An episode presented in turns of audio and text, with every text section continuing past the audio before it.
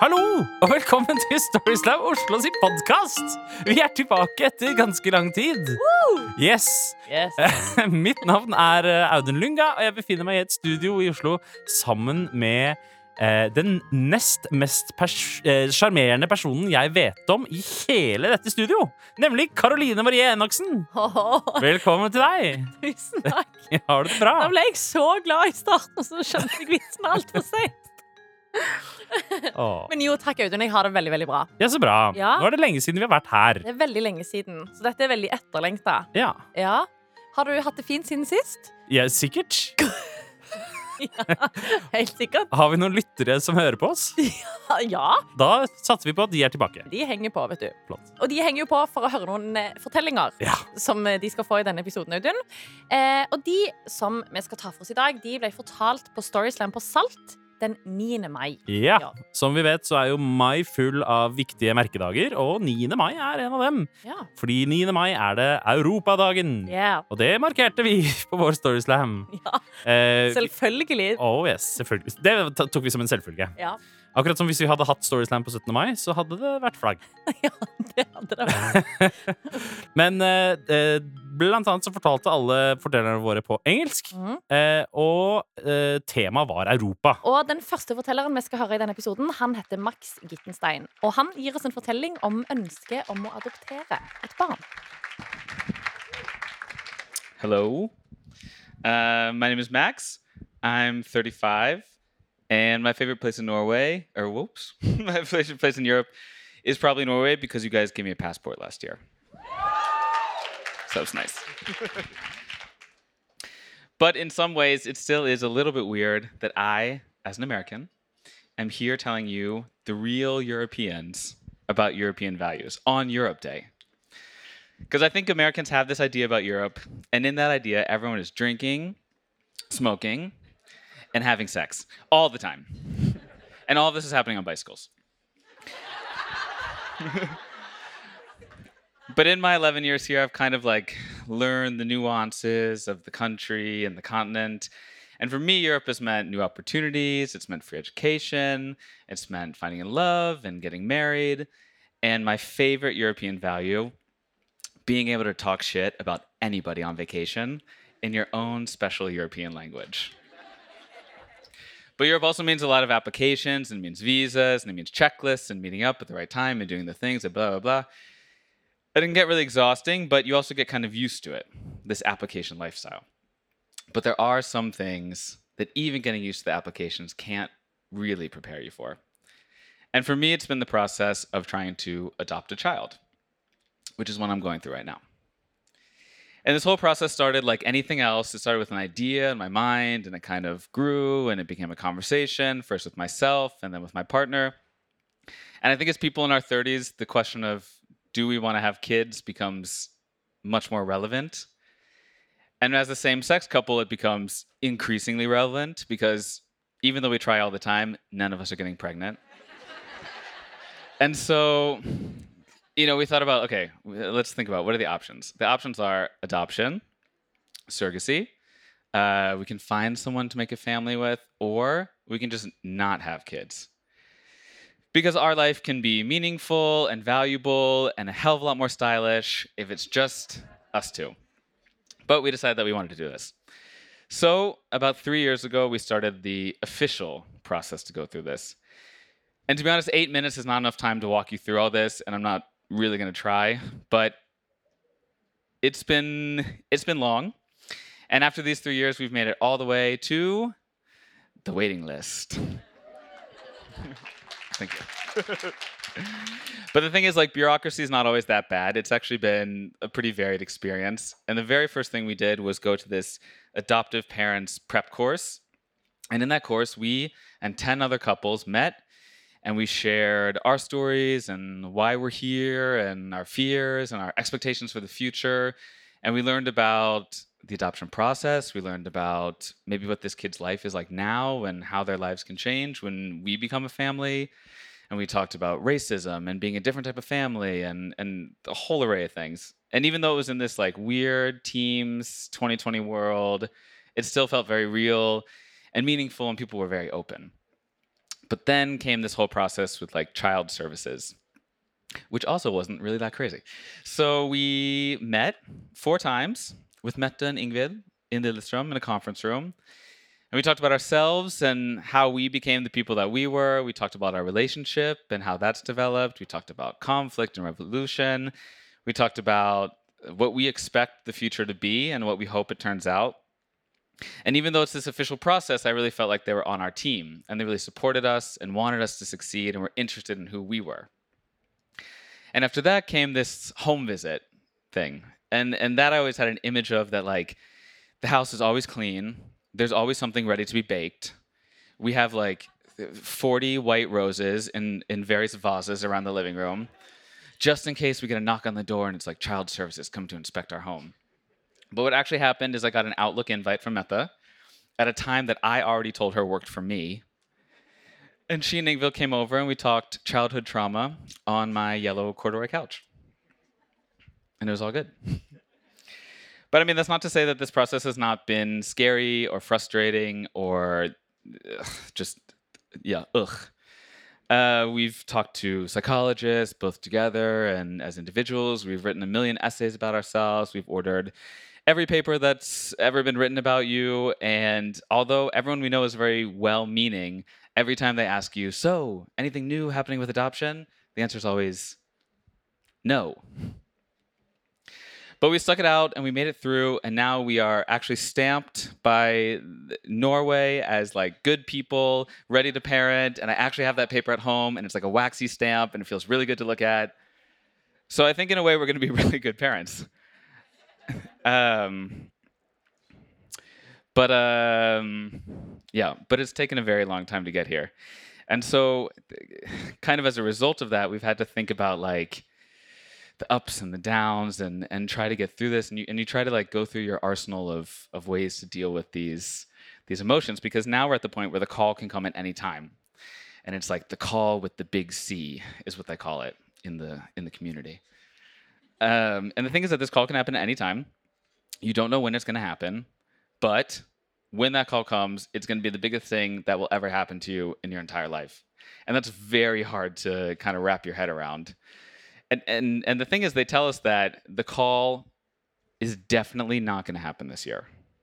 But at the same time it absolutely could happen this year. But it's not going to. But be prepared because you never know. It could happen this year and that's kind of like the dual nature of this whole process is in one sense we get to live this like fabulous adult life and see our friends and go on vacation and like drink wine on tuesday and stand on stage right now but on the other end, it's it's like who knows when this call is coming. So we've gotten really good at like reaching in our arsenal of tools, and and I think through this process we've become a much better couple. We've learned to talk to each other in a better way. We've become more understanding. I think we've really grown as people. But I think also as individuals, it's important to sort of find out what works for you and the way that you like to deal with things. And so for me personally, I've kind of gone back to this European value of talking shit about people. but the problem is now I'm not on vacation. And when I'm sitting on the tram talking about how hideous that girl's dress is, she understands what I can say. and she just got up at the same stop as me. No, but I think the point is that we are all multifaceted and we are all these good and bad individuals at the same time and none of us are perfect and none of us are really should be trying to prove ourselves as such um, so I mean, now I get to stand on stage and I get to speak to all of you, and I get to travel and live my life because next year we could be three in the family. We are absolutely not going to be three in the family next year, but we could maybe be three in the family next year. Thank you.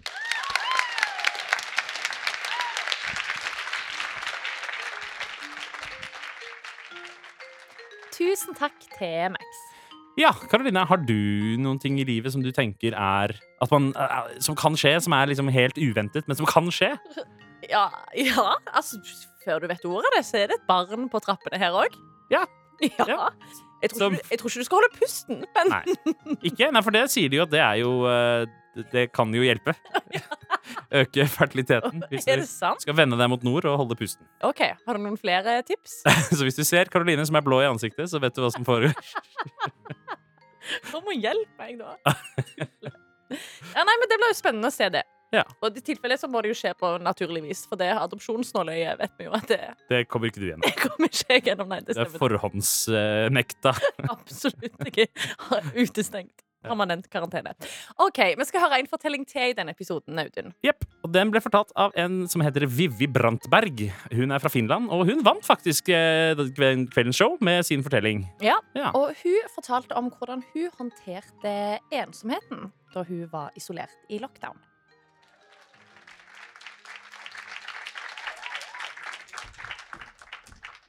The story starts in 2021, and oh boy, what a year! Right in the middle of the pandemic, and I'm going a little nuts. The first year was fine, the second, not so much. So, my big sister, um, I lived in Helsinki at the time because I'm Finnish, and my big sister uh, lives in Sweden. So, she had this idea that what could, you know, help. But before I tell you what her idea is, I need you to tell a bit about me. So if you look at me, you know, in my beautiful flower dress and flowers in my hair too, this is a very normal outfit for me. And when people see me, they tend to think like, you know, she's kind of classy. She probably likes museums and culture, and that's true. I do like those things. But deep down, underneath my beautiful floral exterior, I'm a nerd. I am such a nerd. This means that I spent my childhood with my family painting little Lord of the Ring figurines on the dining room table. There was no eating there, there was painting. We had a little factory going on. And I painted all the Arwens and Eowyns because, you know, I had to have all the pretty ladies. This means that the proper book for me is 600 pages. I adore a long book, like nothing better in the world. And it means that I go in my floral dresses into these gaming dens full of people with, you know, black hoodies who look at me and are like, Are you lost? And sometimes I tell them, like, no, no, I'm where I'm meant to be. And sometimes I just smile really sweetly, go and sit down and let them explain things to me, start playing, and I crush them. Because, you know, if you have to live with the stereotypes, you might as well enjoy them. So, and then I like video games. My father used to say that when he was young, comics were, you know, seen as bad thing, and now it's video games. And I think they're a beautiful thing. You know, you can use them to tell culture, stories, just like movies and books. Video games are just as good. They're really interactive. They're great. I love them. So my sister, who is also a nerd, comes uh, and tells me, "Have you ever heard of this critically acclaimed MMORPG called Final Fantasy XIV?" I'm not expecting you to know what that means, so let's break it down. Um, MMO are, uh, well, MMO, let's start with, means massively multiplayer online game, which means you play it online with lots of people. Not like eight people you play Mario Kart with, but more like the size of Oslo, 600 people there.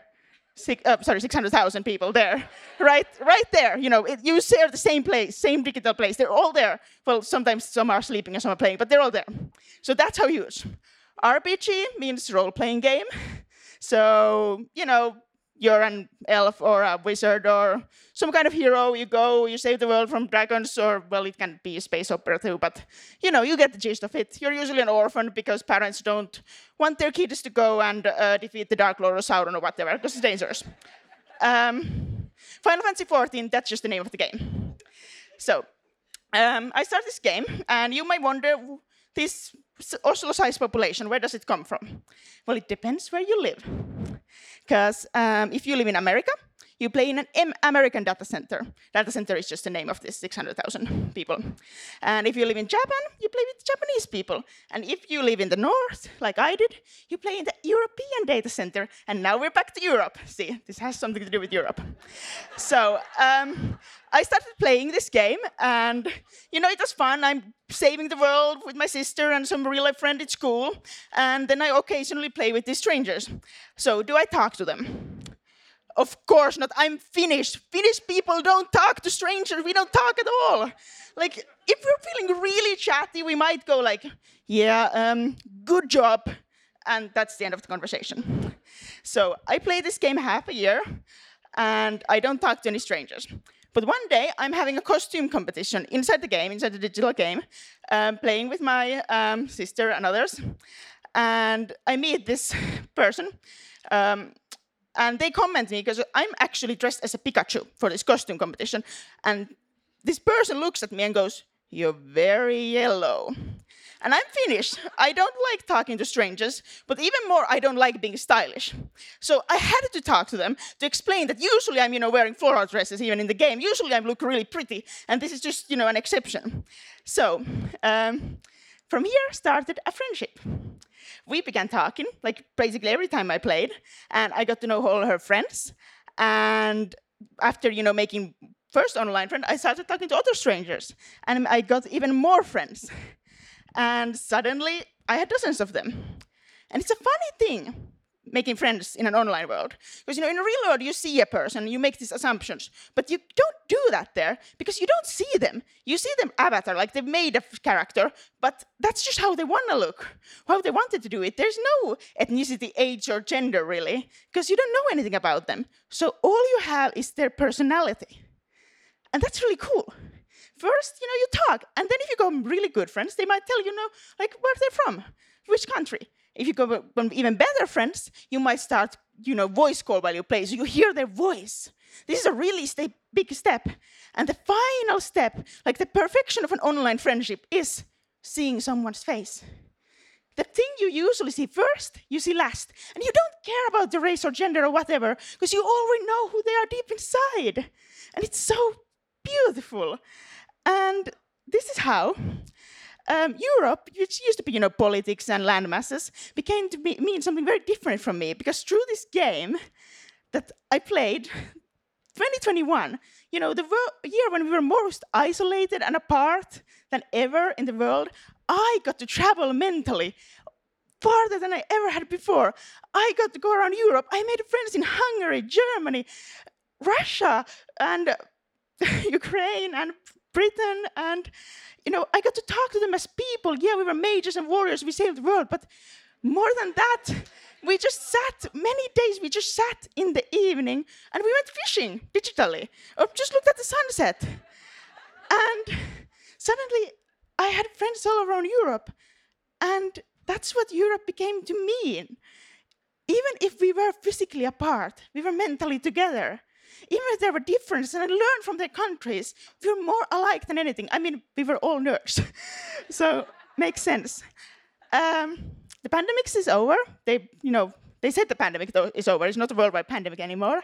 It's 2023, and I'm still playing. I still have my little digital European world, and it's one of the best things in my life. Thank you very much, and happy Europe Day.